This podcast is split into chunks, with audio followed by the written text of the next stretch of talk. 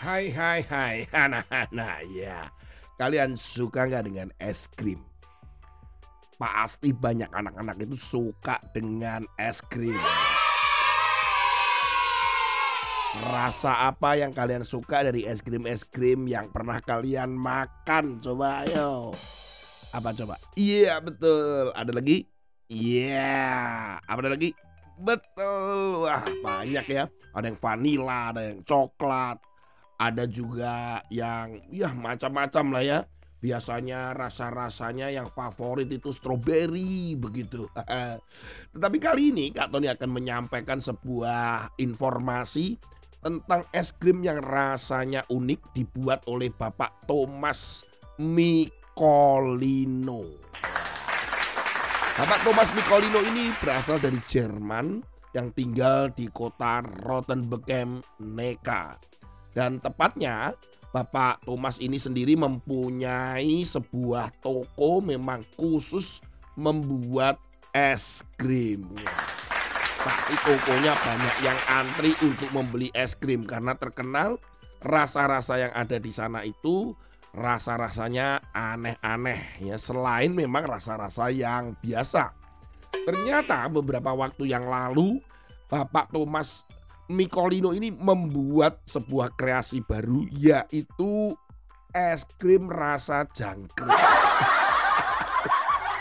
es krim rasa jangkrik. Bayangin, kalian pernah tahu nggak binatang jangkrik yang suaranya krik krik krik krik krik krik krik krik krik. Itu serangga loh anak-anak dijadikan es krim bayangkan. Bapak Thomas Mikolino ini memang senang sekali membuat rasa-rasa yang unik-unik Pernah juga dia membuat es krim rasa sosis hati. Ya? Kemudian es krim keju gorgonzola. Ini yang luar biasa, Bapak Thomas ini pernah membuat es krim berlapis emas seharga 4 euro atau 65 ribu rupiah.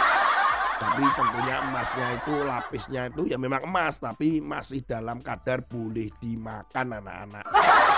Nah, memang Uni Eropa memperbolehkan penggunaan serangga dalam makanan. Oleh karena itu, Bapak Thomas Mikolino membuat makanan khas yaitu es krim rasa jangkrik.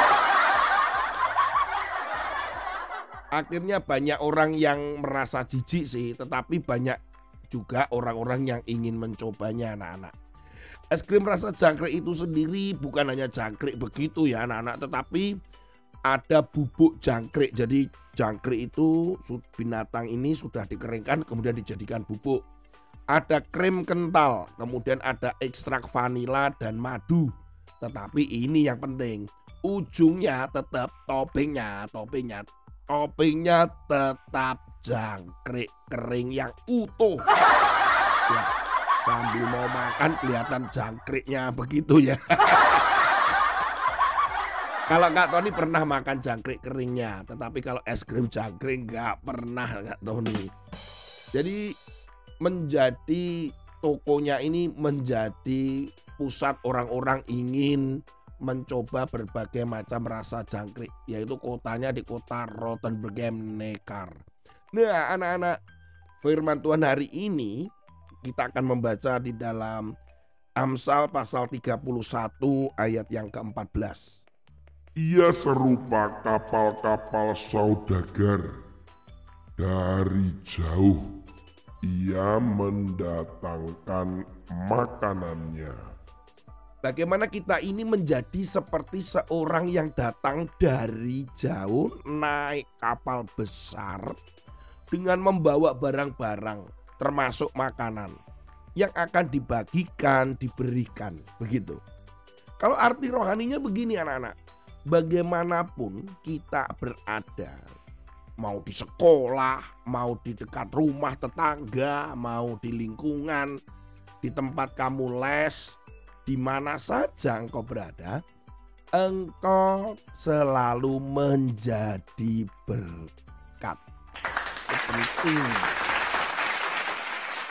Ketika engkau ada di tempat makan, engkau tetap menjadi berkat. Wajah sok kamu, mulutnya, itu senyum, wajahnya kelihatan ceria, tidak marah-marah, sopan, begitu loh maksudnya. Kita bisa menolong dan membantu orang lain. Kak Tony beberapa waktu lalu melihat satu klip di mana seorang anak menolong orang yang sedang kekurangan dan tidak punya rumah di depan yang lagi duduk di depan sebuah restoran. Anak ini keluar dari restoran kemudian mengambil air, kemudian meminumkan air ini kepada orang gelandangan di depan restoran itu. Bayangkan loh, ini anak kecil loh, ini anak kecil. Bagaimana waktu anak-anaknya Kak Tony, Kak Tony ajak untuk membagikan makanan-makanan snack Natal kepada orang-orang yang ditemui. Karena waktu itu pada saat Natal Kak Tony banyak mendapatkan bingkisan-bingkisan snack-snack roti, ada minuman, ada permen. Karena terlalu banyak. Kemudian Kak Tony ajak anak-anaknya Kak Tony untuk membagikan itu kepada orang lain. Sejak kecil anaknya Kak Tony ajarkan supaya di mana saja kamu berada, kamu selalu menjadi berkat, menolong orang lain, berkorban untuk orang lain. Sehingga orang itu melihat Kristus di dalam dirimu. Kak Tony selalu ajarkan demikian.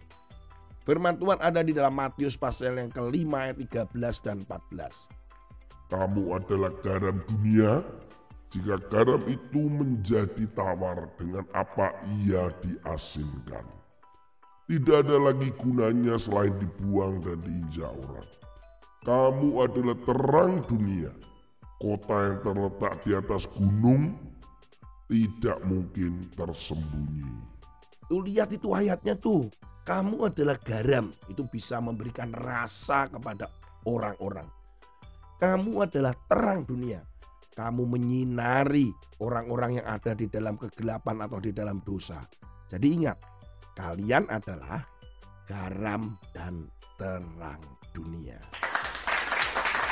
Tuhan Yesus memberkati. Sampai ketemu lagi dengan episode yang lain dengan Kak Tony. Amin.